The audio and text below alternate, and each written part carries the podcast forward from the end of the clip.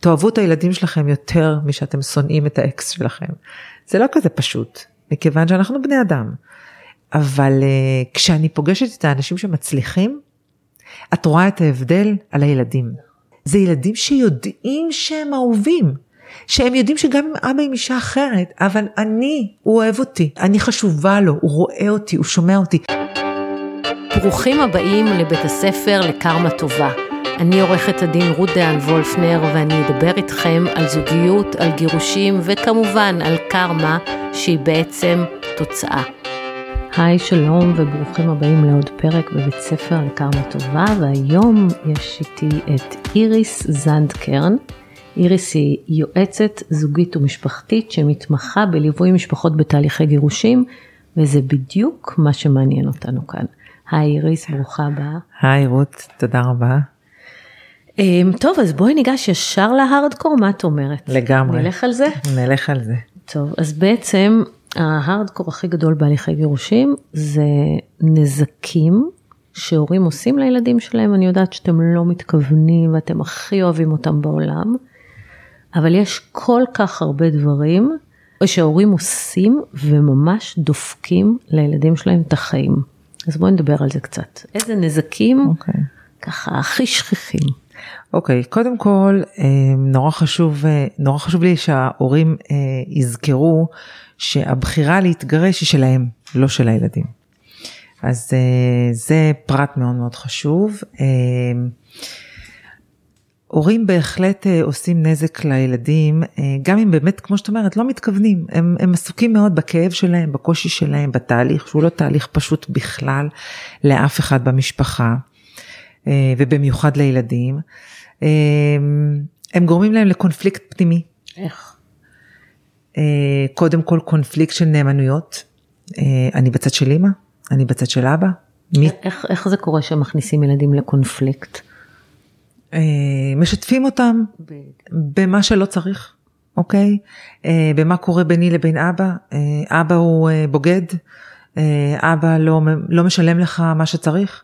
אבא עזב אותנו. אבא עזב אותנו, אה, עצוב לי וקשה לי, אני ארוסה והכל בגלל אבא שלך.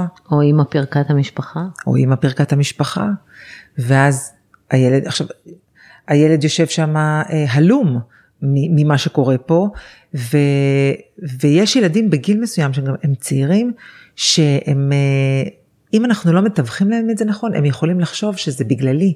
אולי אה, לא התנהגתי מספיק יפה, אולי לא הייתי ילד מספיק טוב, אולי אם הייתי ילד טוב, אז זה לא היה קורה. יש גילאים כאלה שהם הם, הם מוצרים, הם לא כל כך מבינים, אבל בגדול, ברגע שאנחנו משתפים אותם יותר מדי, אה, מה שביני לבינו, זה גורם להם לקונפליקט. אני אוהבת את אבא, ואני אוהבת את אימא. מבחינתי, אני אוהבת את שניהם ואני רוצה להיות עם שניהם. עכשיו מה? אחד נגד השני מלחמת העולם ואני תקועה באמצע. במי אני בוחרת. קונפליקט רציני מאוד. לגמרי. אה, וזה משפיע גם, אה, בואי, משפיע על הדימוי העצמי. זה מוריד את הביטחון. בית הוא, הוא, הוא גם אבא ואימא מחוברים ובית הוא העמוד שדרה של הילד. אוקיי, זה המקום, בית הוא צריך להיות המקום הבטוח שלי. אז, אה, אז, אז, אז אני ככה ילדה שדי בטוחה בעצמה ויש לי את אימא ויש לי את אבא ויש את הבית ופתאום זה מתפרק. זה, וזה מתפרק ואני צריכה עכשיו להתחלק לשני בתים. וזה גורם לכזה שבר, שזה פוגע בדימוי העצמי. אני לא כמו כל החברים שלי. נכון שהיום יש הרבה מאוד גירושים, וזה לא כמו פעם שהיה ילד אחד בכיתה, בתקופתנו היום זה בערך חצי כיתה, אבל עדיין, אה, ילד רוצה שאבא ואימא יהיו באותו בית, הוא רוצה להיות כמו כל הילדים, הוא רוצה שתהיה לו משפחה, אז זה מוריד לך מהדימוי העצמי, אתה מרגיש. אה, הדימוי העצמי, אני מבינה שהוא נפגע גם כאשר ההורים אה, מדברים סרה אחד באוזני הילדים אחד על השני. זאת אומרת, ברגע שאימא שלי היא כלבה או בוגדת או הרסת המשפחה, מה זה אומר עליי? לגמרי, כי מאז שנולדתי, אז אומרים לי, אז אבא אומר לי שאני יפה כמו אימא, הופעה כמו אימא, חכמה כמו אימא, ספורטאית כמו אימא, והוא אומר את זה בחיוך ובהרבה מאוד אהבה, כי, כי אנחנו יוצרים ילדים מאהבה. ואז יום אחד אימא היא כלבה. ואז יום אחד להיות כמו אימא זה לא דבר טוב בעיני אבא. נכון, אז אם אני כל כך דומה לאימא, אז גם אני כלבה. אז גם אני יום אחד אתגרש, אז גם אותי לא יאהבו, מה זה אומר עליי? וזה שבר מאוד מאוד גדול בנפשם של הילדים. לכן אני תמיד אומרת, לא, לא, לא, לא להרעיל אותם, לא, לא להכניס אותם לתוך הדבר הזה. זה לגמרי עד, עד כמה שאפשר, את יודעת. אה. זאת אומרת, תראו, הדימוי העצמי כנראה נפגע, גם אם אנחנו רוצים וגם אם אנחנו לא רוצים, בדרך כלל אנחנו לא רוצים, אבל זה, הפגיעה היא אינהרנטית לגירושים. כי ברגע שהבית שלי מתפרק, אז אה, אני מרגיש שמשהו איתי תקול, לא בסדר.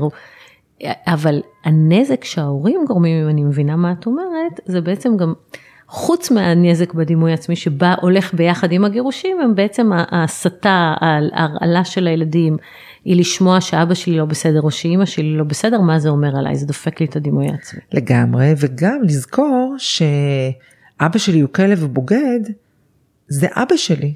אני נורא נורא אוהבת אותו. זה אבא שגידל אותי, זה אבא שהקריא לי סיפור לפני השינה. יש פה אהבה מאוד גדולה, יש פה תלות מאוד גדולה בילד, של ילד בהורה. ואז אז... אה, כשאחד ההורים, למשל כשאימא אומרת לאבא עזב אותנו, אז מה זה עושה לדימוי עצמי, מה, מה זה עושה לילדים מבפנים? אני מכירה אה, גם אנשים מאוד בוגרים שאבא קם והלך ולא חזר, יש את המקרים הקיצוניים האלה. ואני מכירה מישהי שאמרה לי, תראי, אם אבא שלי נטש אותי, אז למה שמישהו אי פעם יאהב אותי? אבא שלי נטש אותי. אבא שלי הלך ולא חזר, 20 שנה לא התקשר, לא שאל אותי מה שלומי. אז בעצם, כנראה שאני לא ראויה לאהבה. כי הדבר הכי טבעי בעולם, ההורים שלנו צריכים לספק לנו את הדבר הכי בסיסי בעולם. אתם אהובים, אתם נחוצים, אתם נולדתם מאהבה, אתם הילדים שלנו. אז... זאת אומרת, שכשאתם אומרים לילדים שלכם, אבא נטש, או אימא עזבה אותנו, או אבא עזב אותנו, או אבא פירק את המשפחה, אבא לא רוצה אותנו יותר, אה, לאבא יש משפחה חדשה, אבא עכשיו יאהב ילדים אחרים, כל oh הטעויות oh האלה, oh אני שמעתי את זה כל כך. ברור, ברור. אז בעצם מה שאתם עושים, אתם, אתם לא, לא מסתכלים רק על הילדים שלכם עכשיו בני 7 או בני 5 או בני 12. אתם עסוקים בעצמכם. לא, אבל אתם מסתכלים על הילדים האלה כשהם בני 25 ואתם מתים שהם יתחתנו והם לא יכולים, הם לא יכולים לקיים זוגיות. ממש לא. כי יש להם ערך עצמי כל כך דפוק. שהם בטוחים שכל אחד יעזוב אותם אם ההורה שלהם נטש אותם, עכשיו בואו. אז מה אני שווה? מה במיוחד שווה? בנות, וה, בנות ואבות, זה מאוד, אם אבא שלי נטש אותי, אז, אז, אז כנראה שאני לא אבל ראויה. אבל הנטש אותי הזה, זה גם אה, איזשהו נרטיב שהאימא יכולה להכניס לראש. לגמרי. אבא בסך הכל התגרש מאימא. לגמרי. זאת אומרת, אם אתם הופכים את הגירושים שלכם לנטישה של הילדים, אתם דופקים להם את הראש לעוד הרבה שנים. אתם דופקים להם את הסיכוי לקיים זוגיות נורמלית. לגמרי. אני חושבת... שאתם לא מתכוונים, נכון?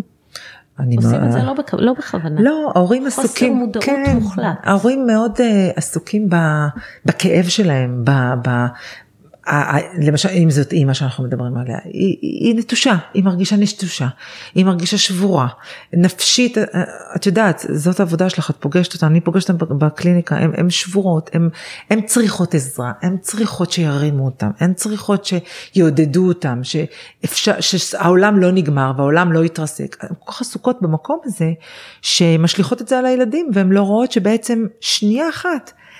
את פה מתבלבלת, שנייה אחת תשימי גבול, יש את האישה הנבגדת, המרוסקת, הכואבת, שיש לי אליה המון כבוד, אבל ממולך יש ילד עם נפש, שהלב שלו והנפש שלו אצלך בידיים, ומה שאת תעבירי לו, זה מה ש... זה כמו רות, שהילדים קטנים וילד נופל וקיבל מכה ברגל. הדבר הראשון שהוא עושה הוא מסתכל עלייך.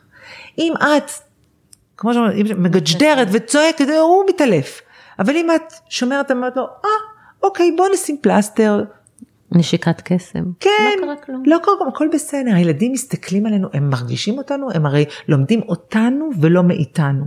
אז אני, מה שאני בדרך כלל עושה כשמגיעים אליי, זה לשקף את הדבר הזה. אני מוצאת שזה לא מרוע.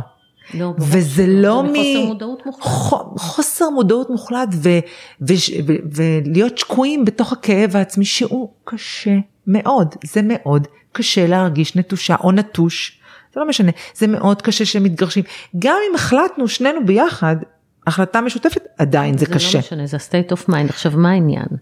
העניין הוא שאת רואה אימהות שנגיד דואגות לילדים באמת לכל מחסורם ומסביבם, ואני לא עובדת כי אני מטפלת בילדים, אבל בנפש את גומרת אותם. גומרת אותם. ולכן, ואני חושבת שאולי הדרך באמת הראש, ההתחלתית לטפל בזה, זה שאת תלכי לטיפול. לגמרי. שמישהו יחזיק אותך.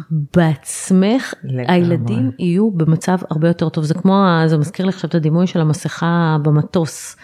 שאומרים שאם צריך, אם נופלות מסכות חמצן, קודם תיקחו לעצמכם, רק אחר כך. תטפלו בילד. אם אתם לא מטפלים בעצמכם, אם אתם לא מטופלים, הסיכוי שתוכלו להיות שם בשביל הילד שלכם הוא מאוד נמוך. לגמרי, לגמרי. לכי לייעוץ, לכי למטפלת, לכי לפסיכולוגית. לך לאימון אישי, לא משנה מה, לא משנה מה. תטפלי בעצמך. מקום שאת יכולה לירוק את כל הרעל ו- ו- ולחזור הביתה, ויש עם לי... כוחות לילד. לגמרי. יש לי מישהי שכשהילדים הלכו לבית ספר, אז היא הרשתה לעצמה לשכב על הרצפה ולבכות שעות, וחצי שעה לפני שהילדים היו מגיעים לבית ספר, לנגב את הדמעות, ו- ולהיות שם בתפקיד האימא. צריך לעשות איזושהי אחריות שלנו.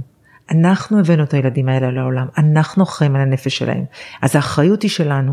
אז יש את, ה, את הדבר הזה שאני כרגע אה, התגרשתי ואני מרוסקת ואני כואבת ו, ואני צריכה חברה טובה ואני צריכה שירימו אותי, שזה, שזה אה, אני, אני ועצמי, ויש את התפקיד שלי כאימא או את התפקיד שלי כאבא. The same thing, גם אבות תלכו לטיפול, תלכו לייעוץ, אה, כדי שיהיה לכם את, ה, את הכלים. גם כשאת הולכת למטפלת, או יש לי זוגות שלפני שהם מתגרשים, הם באים אליי לפגישה שניים כדי לדעת איך לתווך את זה נכון לילדים, ואלה הורים מאוד אחראים. אוקיי, החלטנו, היה אצלי זוג ש, שגם היא בגדה בו, והם ישבו על, על הספה, על ה... ואת רואה אותה כולה מלאת אנרגיות, היא כולה מאוהבת, ו, והוא כולו ככה מכווץ בפינה, ו... אבל הם, הם שמו את זה בצד, בשביל בש... הילדים. בשביל הילדים. בשעה הזאת שהם היו אצלי, הם אמרו לי, תקשיבי, קודם כל הילדים, איך אומרים להם את זה נכון, איך מתווכים את זה נכון עם מינימום נזק. זה משהו שאני מאוד מכבדת. אז בצדק, אבל זה באמת צריך הרבה אה, מודעות בשביל להיות במקום הזה. לגמרי. שבשביל מודעות גם אה, אנשים שנמצאים באיזושהי מודעות גם מבינים שהם צריכים להגיע להסכם, שהמלחמות מיותרות. אני רואה ילדים שנפגעים מאוד אה, בתוך המלחמות גירושים, הם הופכים להיות מה שאני קוראת לזה בשר תותחים. ממש. כי כשאתם במלחמה, אתם, הילדים הופכים להיות שקופים וגם הם הופכים להיות לפעמים נשק. לגמרי. שזה נורא ואיום. נורא. אז, אז בואי נדבר באמת על המקרים האלה שהילדים הופכים להיות נשק, אה, הסתה. עכשיו, הסתה יש לה המון פנים. היא יכולה להיות מאוד בוטה, והיא יכולה להיות נסתרת. ואז אני אתן לך למשל דוגמה, יש לי לקוח שהילד שלו, הוא בא אליו, הוא אומר לו, אני לא רוצה לישון אצלך. למה? לא, לא, אני לא רוצה, לא בא לי.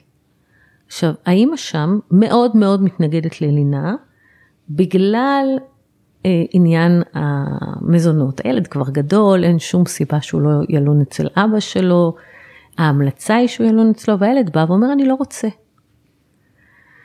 איך מתמודדים? אז קודם כל זה, כל פעם שאני פוגשת את המקרים האלה זה כל כך מעציב אותי, כי הנה את אומרת שהיא בעצם לא רואה פה את הילד, היא רואה את עצמה, היא רואה את המטרה הסופית שלה, אמ, וזה מאוד עצוב. איתה אנחנו לא יכולים לעשות שום דבר, אוקיי? אבל היא לא בשליטה. כן, היא לא בשליטתנו. עכשיו, אם זה, זה, זה כמו שאת אומרת, האבא הזה והילד בא אליו, אז אני הייתי אה, מנסה אה, למצוא איך כן לחדור, איך, איך לפתוח איזה דלת קטנה, איזשהו חריץ. אה, קודם כל להגיד לו הכל בסדר, ואם אה, לא תרצה להישאר אצלי, אז בעוד חצי שעה, ככה אפילו לשים אה, על הטלפון, כדי ש- שהילד יירגע, שמפלס הלחץ יירגע, כי הוא בא עם תיק על הגב של כל המילים שלה, ועם הסטרס שהוא לא יבגוד באימא, שהוא לא יאכזב את אימא, כי אימא מצפה ממנו לא להיות אצל אבא, הוא כבר קיבל בבית, אז, אז הוא קיבל כולו... הנחיות. כן, אז קודם כל אה, להבין א', הילד לא נגדי, אוקיי? שתיים, אה, האגו, לקפל אותו ולאפסן אותו בארון. מאוד קשה. נכון, אבל יש, יש, דבר, ש, יש דבר כזה שאומר שאני עכשיו פה בשביל הילד שלי. אז אני רואה אותו.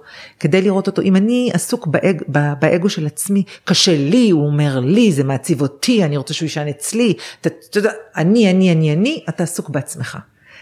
ותחשבי שזה בן אדם בטח מעל גיל 35, הוא בן אדם מבוגר, ובכל זאת יש לו איזה כלי או שתיים שהוא אסף בחיים.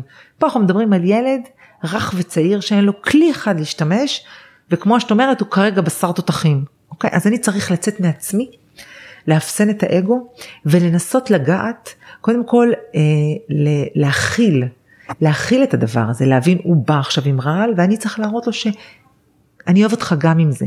אני אוהב אותך כמו שאתה, הכל בסדר, הכל יהיה בסדר, ולנסות למצוא איזשהו חריץ, אחרי הכל זה הילד שלי ואני מכיר אותו. אוקיי, אז אנחנו נלך הביתה, עוד חצי שעה, אל תדאג, אבל אולי תבוא לעזור לי ונעשה ככה וככה, כי אני חושבת שאם הוא ימצא אה, שלב אחד בסולם, הקטנטן הזה, אז הוא כן יכול לטפס עליו. ואם זה לא מצליח, להחזיר אותו הביתה, לא לעשות לו חוויה של בכוח, של אה אימא אמרה ככה, אז אני עכשיו החלטתי שאתה תשאר פה, כי ככה אני ואני... השופט החליט. השופט החליט, עוד יותר, לא.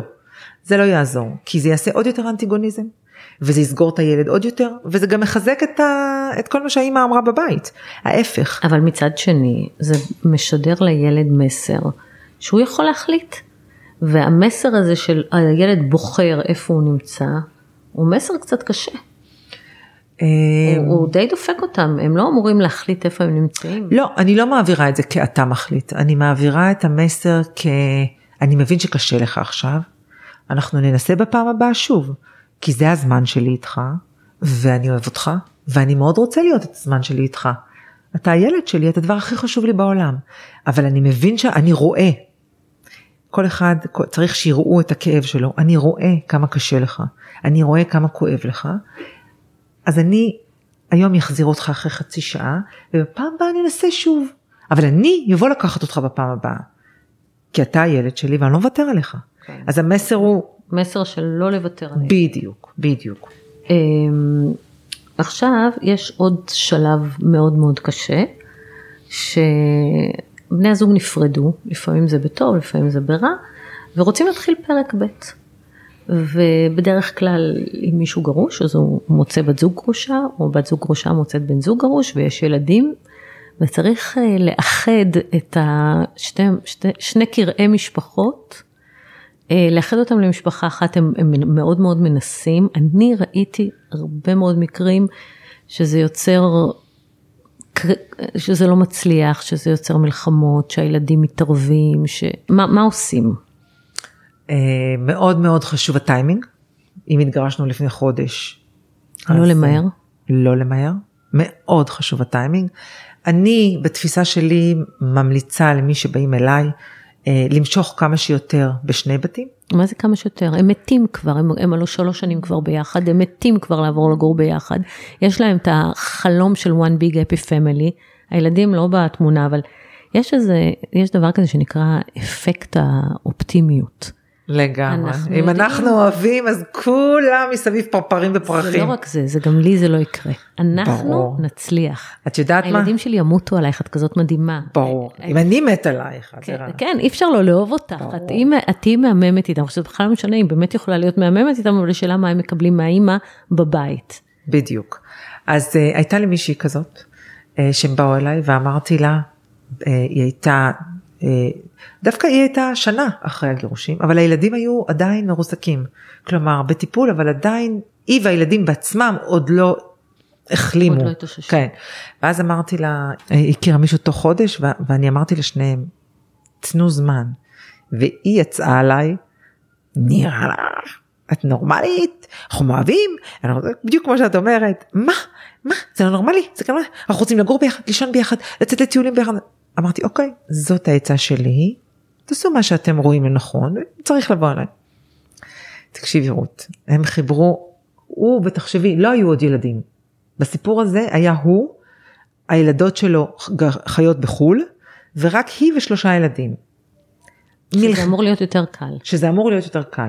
מלחמת עולם.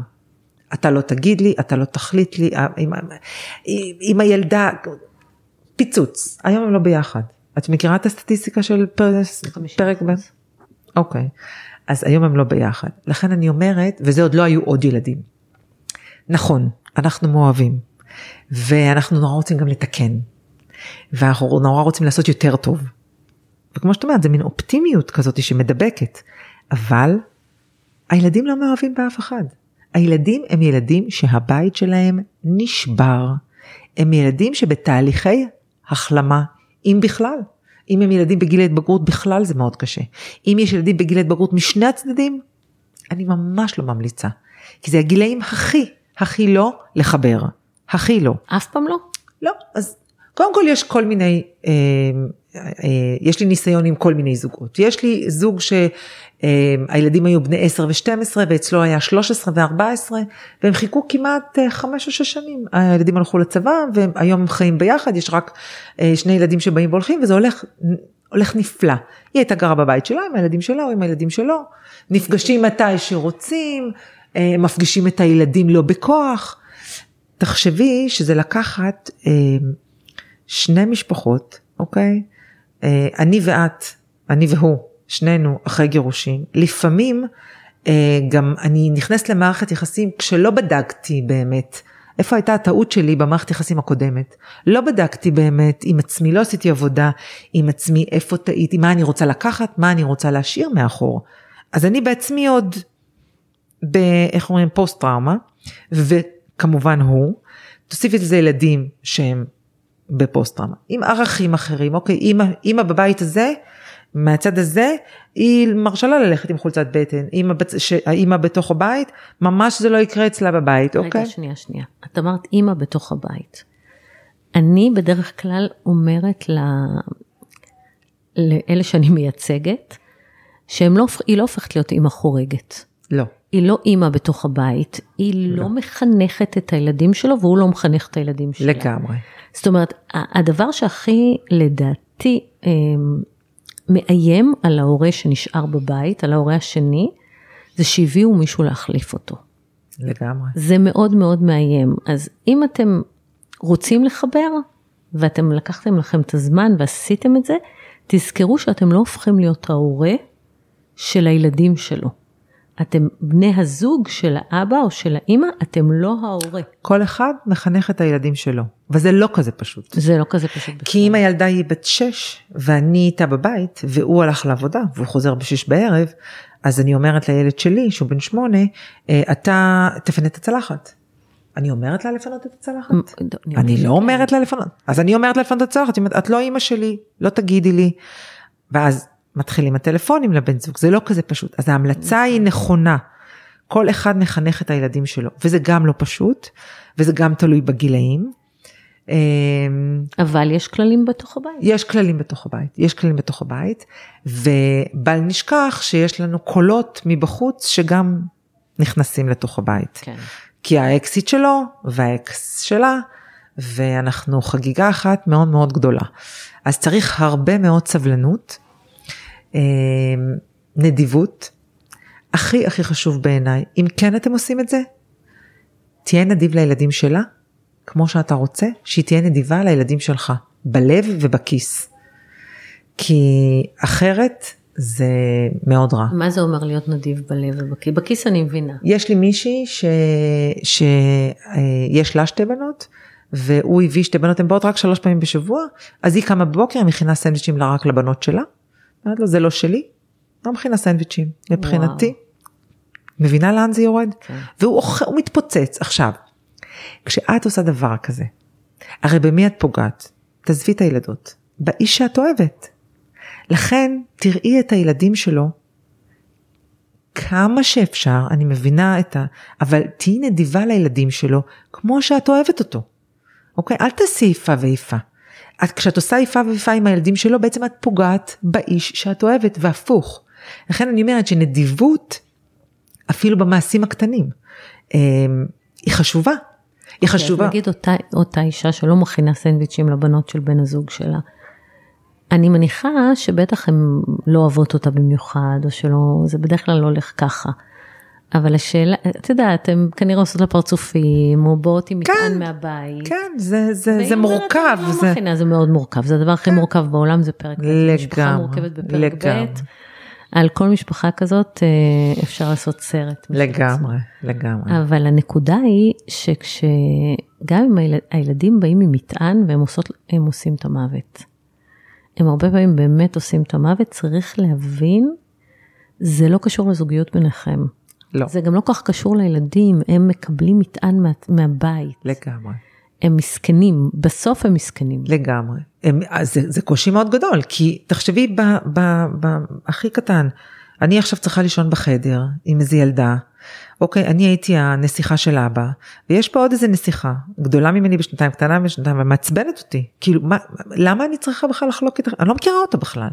אוקיי, זה שאבא שלי אוהב את אימא שלה, אוקיי, אבל איך זה קשור אליי? למה אני צריכה, ו, ואז תוסיפי לזה, יש עוד את המורכבות שפתאום עושים ילד משותף.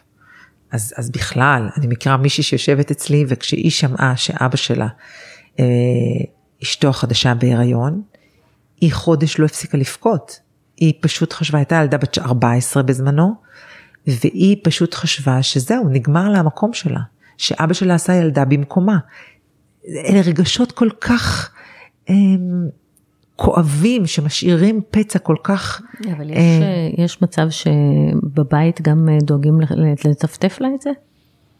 בוודאי, זה בוודאי. בדרך כלל עובד ככה. בוודאי, בוודאי. תראי, עכשיו- לא פגשתי הרבה אנשים שגדולים מה...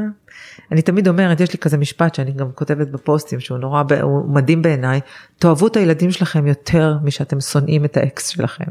זה לא כזה פשוט, מכיוון שאנחנו בני אדם. אבל uh, כשאני פוגשת את האנשים שמצליחים, את רואה את ההבדל על הילדים. נכון. את רואה את הילדים יותר בטוחים את רואה בעצמם. ילדים נורמליים וילדים דפוקים, אין מה לעשות. ילדים וזה ש... רק ההורים. לגמרי, זה ילדים שיודעים שהם אהובים. שהם יודעים שגם אם אבא עם אישה אחרת, אבל אני, הוא אוהב אותי. אני, אני חשובה לו, הוא רואה אותי, הוא שומע אותי. כשאת פוגשת את זה, א', אני מתמוגגת, אני חייבת להגיד לך, כי אני יותר פוגשת את ה... אלה שלא מצליחים. וזה באמת אה, שני הורים שאוהבים את הילדים לפני הכל. אבל את יודעת, הרבה פעמים יש, יש איזו נקודה של האיום על האימהות שלי. לגמרי. בעלי, אה, הוא התחתן לפניי, הוא הכיר מישהי, והיא מאוד נחמדה עם הילדות, הילדות טובות לעשות איתה כל מיני פעילויות, והם לא יאהבו אותי. לגמרי. הילדות ירצו להיות שם. יש המון המון, גם נשים וגם גברים, שיש בתוכם איזשהו חוסר ביטחון טבוע, זה בדיוק מה ש... והם אה, מפחדים שהילדים שיקחו את מקומם. עכשיו, ברגע שאתה מפחד שיקחו לך משהו, אז איפה אתה נמצא? אתה נמצא במגננה. אתה נמצא נכון. במגננה, אתה מתחיל מלחמה. ואז המלחמה היא בתוך הנפש של הילדים. אז אני רוצה להציע משוואה אחרת. אתה נמצא, אתה מרגיש ככה, זה הכי טבעי בעולם. את נמצאת במגננה, תלכי לטיפול או לייעוץ. תחזקי את עמוד השדרה שלך. כי גם ילד מרגיש את אימא, וכשעומדת מולו אימא שהיא בטוחה באימהות שלה, ואת צודקת, זו סיטואציה שבאמת יכולה לעשות לי לא טוב, אבל כשעומדת מולו אימא, כשבטוחה בא- באימהות שלה, ואת מכירה את זה שאת ומשחררת ממקום בטוח, הוא יחזור, הוא ירגיש בטוח, הוא יהיה מאושר, כי פתחתי עוד, כי פתחתי עוד אפשרות ועוד, והגדלתי את המאגר המשפחתי, את המערך המשפחתי, אז גם אני נזכרת מזה וגם הילד שלי נזכר בזה. זה הכל עניין של עבודה עצמית, רות. לגמרי. הנקודה היא כזאת, שאתם משחררים את הילדים ללכת בכיף, גם אתם, מה לעשות, אתם לא מתים על הרעיון, לא, לא, את לא מתה על העניין הזה שיש לא. שם עוד אישה ועוד ילדים, והיית מעדיפה שהאבא יהיה רק עם הילדים, אבל זה מה יש. זה מה יש. החיים ממשיכים, אין מה לעשות, אני צריכה גם לאחל לעצמך זוגיות נוספת. יש הבדל מאוד גדול בין ילדים ששולחים אותם לשם בכיף, לבין ילדים ששולחים אותם לשם עם תיק עם רעל. תיק עם רעל פשוט על הגב. עכשיו, מי, מי סובל מזה בסופו של דבר? רק הילד. עכשיו, הסבל, הרעל, זה כמו סיגריות. לא מרגישים את זה מיד.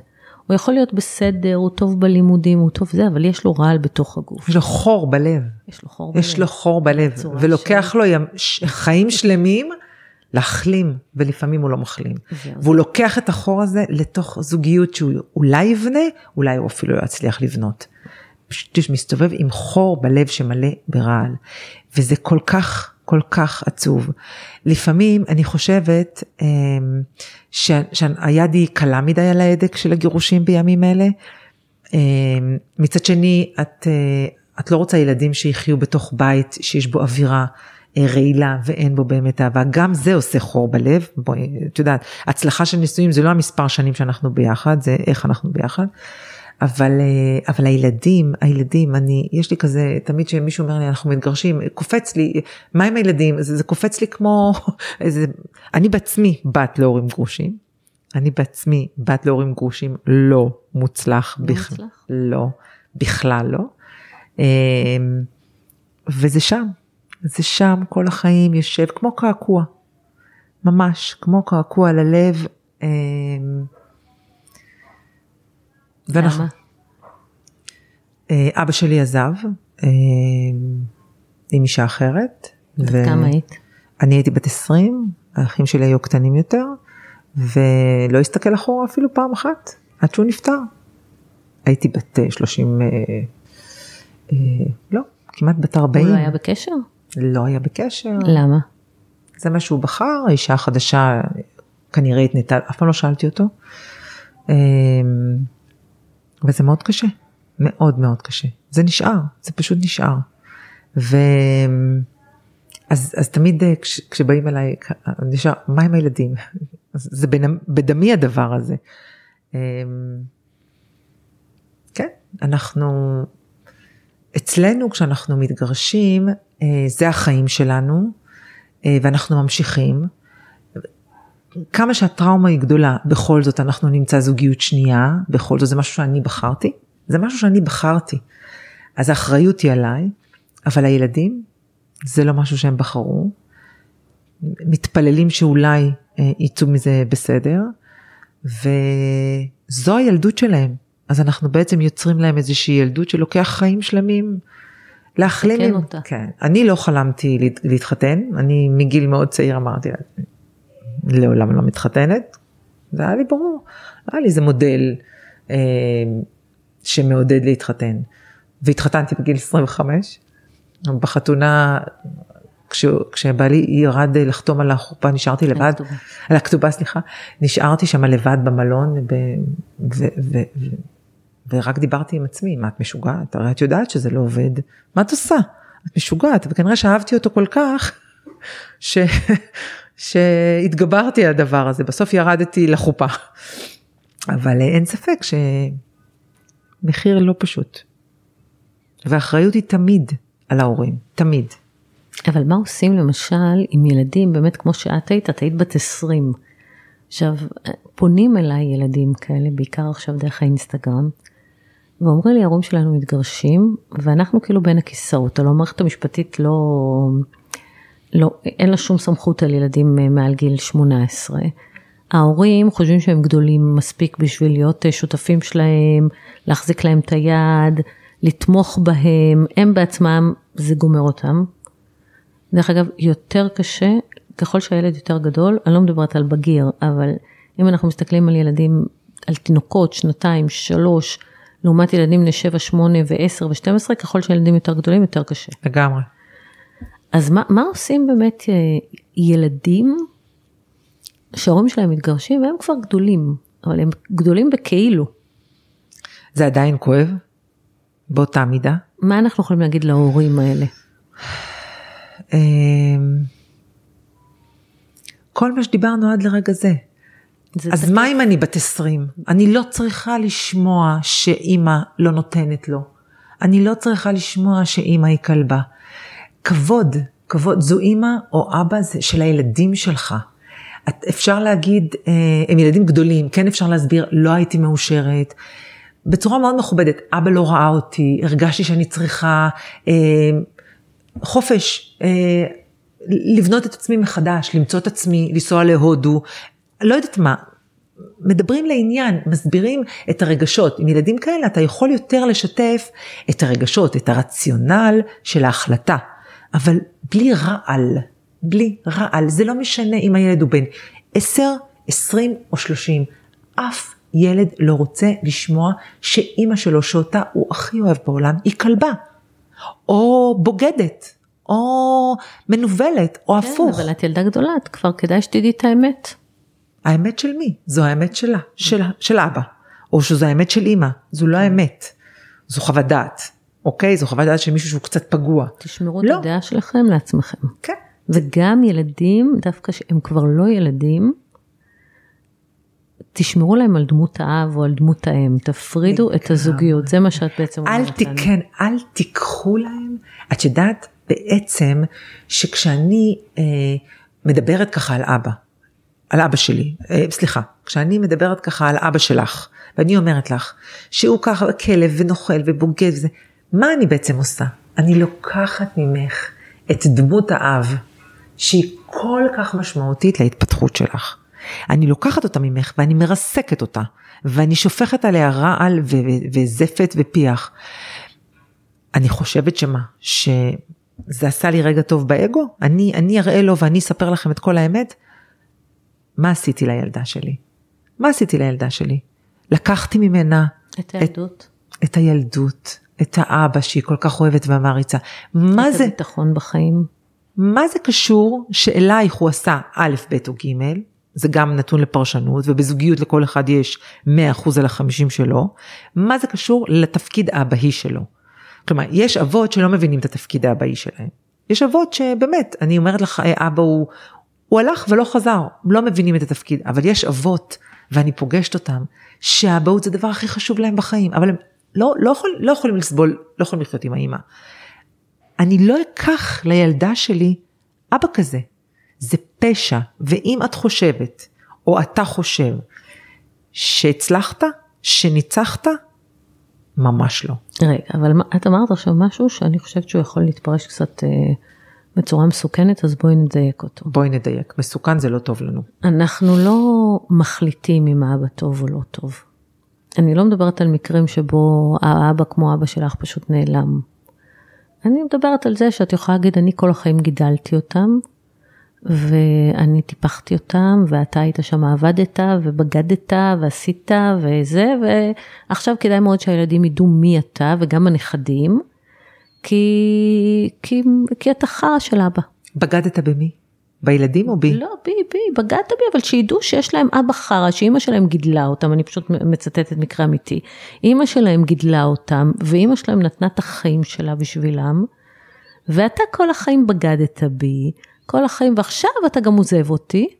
הילדים אמנם בני אה, 27 ו-30, אבל הם צריכים בדיוק לדעת מי אתה. הם ידעו מי אבא שלהם, וגם הנכדים לא ירצו לראות את הפרצוף שלך. אבל עוד פעם, את רוצה שהם ידעו? אבל עוד פעם, את רוצה שהם ידעו מה הוא עשה לי, אימא שלכם, איך זה קשור לילדים? לגיטימי? בעיניי לא, הכי לא לגיטימי. בעיניי לא. בעיניי זה להיות אני, אני, אני, ואתה עשית לי, בוא אני מרסקת לך את האבהות שלך ואת הסבאות שלך, וכולם... מס... אבל עזבי אותו, את לא, את מרסקת לו, הילדים כבר גדולים, ברור. את מרסקת להם. את לוקחת מהם, לוקחת מהם. את לוקחת מהם את מה ש... שלהם בחסד, הוא לא בגד בהם, אם כל החיים הוא עבד קשה, אז אני משער, אני משערת שהוא גם פרנס את הילדים והביא אותם ל... כל אחד עשה את התפקיד שלו. מה זה לגיטימי ליחסים שלי עם אבא שלי, אוקיי? אני יכולה להגיד, אם אני בת 30, אני יכולה להגיד, אתה יודע אבא, אה, אני רואה כמה קשה לאימא, ואתה יודע מה? אתה לא היית הבן זוג הכי, בוא, אתה לא היית הבן זוג הכי אידיאלי, אוקיי? אבל אתה עדיין, אתה היית אבא מדהים. עכשיו, נורא קשה גם להפריד. אם לא היית אבא מדהים את האבא שלי. בדיוק. וגם נורא קשה להפריד, כי את יודעת, אנחנו תמיד אה, אה, מגוננים על אימא, או הרבה על אימא, אבל לא, אנחנו... הרבה פעמים גם אה, הולכים לאבא עם הכסף. כן, יש גם את זה. כן, זה קשה להפריד. זה קשה במיוחד שילדים מבוגרים להפריד אותם, אה, כאילו למנוע מהם לתפוס צעד, לצדד בצעד, כי הם מרגישים קצת יותר... הילדים הגדולים, אני שמה לב שזה מתחלקים, או שכאילו הכל נורמלי, או, ש, או שהם עם הצד החלש, שזה הרבה פעמים האימא, אבל לא תמיד, או שהם דווקא עם הצד ש... עם הכסף, עם הארנק. כן. בסדר, זה החיים, רות, את יודעת נורא. מה, זה החיים, זה, חז... זה עצוב. כן. אה, תדעו לכם שגם אם אתם מתגרשים עם ילדים גדולים, אני שומעת מהילדים, ממש, ממש פונים אליי בזמן האחרון לא מעט, ואומרים, הם הורסים לנו את החיים. גם אם הם גדולים, זה דופק אותם. לגמרי. זה דופק להם את המערכות יחסים, זה עושה להם מועקה לחיים. הם לא, אתה יודע, הרבה פעמים אנשים לא מתגרשים עד עכשיו, כי בגלל הילדים, בגלל הילדים, ואז הם דופקים להם את החיים שהם בני 25. כן, אבל אנחנו גם צריכות לח, לחדד שאם זוג החזיק מעמד והקטנה כבר בת 20 ואין ביניהם שום מכנה משותף, שני אנשים שגרים באותו בית והם מחליטים בצורה מכובדת להיפרד, גם אנחנו לא צריכים לסבול לא, אני בשביל לא הילדים. מדברת נגד החלטה להתגרש. אה, שאלה איך עושים את זה. אם רע לך, שאלה מה אתם עושים לילדים שלכם. איך אתם עושים את זה? בדיוק. איך אתם עושים את זה? ואם אנחנו יודעים שנינו לעשות את זה, הרי אנחנו לא, אנחנו עדיין משפחה. אנחנו, זה שאני והוא לא בני זוג, זה בסדר, אבל אנחנו עדיין משפחה. נהיה סבא וסבתא, אנחנו עדיין הורים לילדים, אנחנו עדיין משפחה. אלה שמצליחים לשמור על המשפחה, אה, זה מדהים. אז הילדים שלהם אה, פחות, הרבה הרבה פחות נפגעים. לגמרי, ואני חייבת להגיד לך עוד משהו קטן, שעשיתי איזושהי עבודה וחזרתי לכמה זוגות, חמש שנים אחרי גירושים, זוועה. כל אחד מהמקרים היה מלחמת עולם, מי כמוך יודע. ו- וחזרתי אליהם, אה, עשיתי להם שאלון, אבל שלפחות חמש שנים אחרי ההתרסקות. כל אחד מהם אמר לי שהוא מאוד מצטער, שהיום בדיעבד הוא לא היה עושה את מה שהוא עשה לילדים, לא היה מדבר כמו שהוא היה מדבר, היה מוותר קצת יותר למען הילדים, למען האווירה הטובה. אה, כאלה זוגות שהלכו לבית משפט, מי כמוך יודעת, על, על כסף ו- ורבו על כסף שהיה אפשר בקלות להסתדר, אבל היה פרינציפ והיה אגו. כל אחד מהם ש, שחזרתי אליו אה, הביע צער. ו... טוב, חבל שלא יודעים את זה, את יודעת, בזמן אמת, אבל... אז, אה, תראי, מצד אחד, אני, אני באמת אומרת שהרבה פעמים הנזקים לא הפיכים.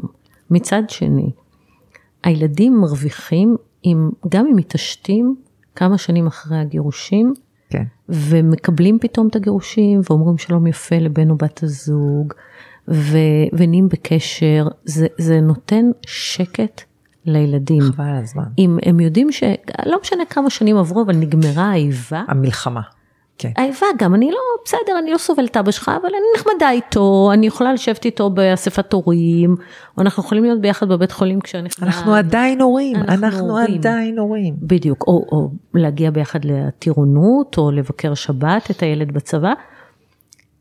אם אתם מצליחים לעשות, זאת אומרת, גם אם הרגתם את הילדים, ב, כן, במירכאות, כן, הרגתם להם את הנפש כל, ה, כל הגירושים וכמה שנים אחרי, אם אתם שומעים את זה עכשיו, אפשר לתקן. ואתם משחררים, משחררים, אתם, אתם מטיבים איתם. לגמרי. הייתי שלשום בחתונה עם אה, משפחה שעשר שנים, היא, הוא עזב אותה בהיריון, היא ארבעה ילדים, אה, כסף, הם, הם היו שנים בבתי משפט.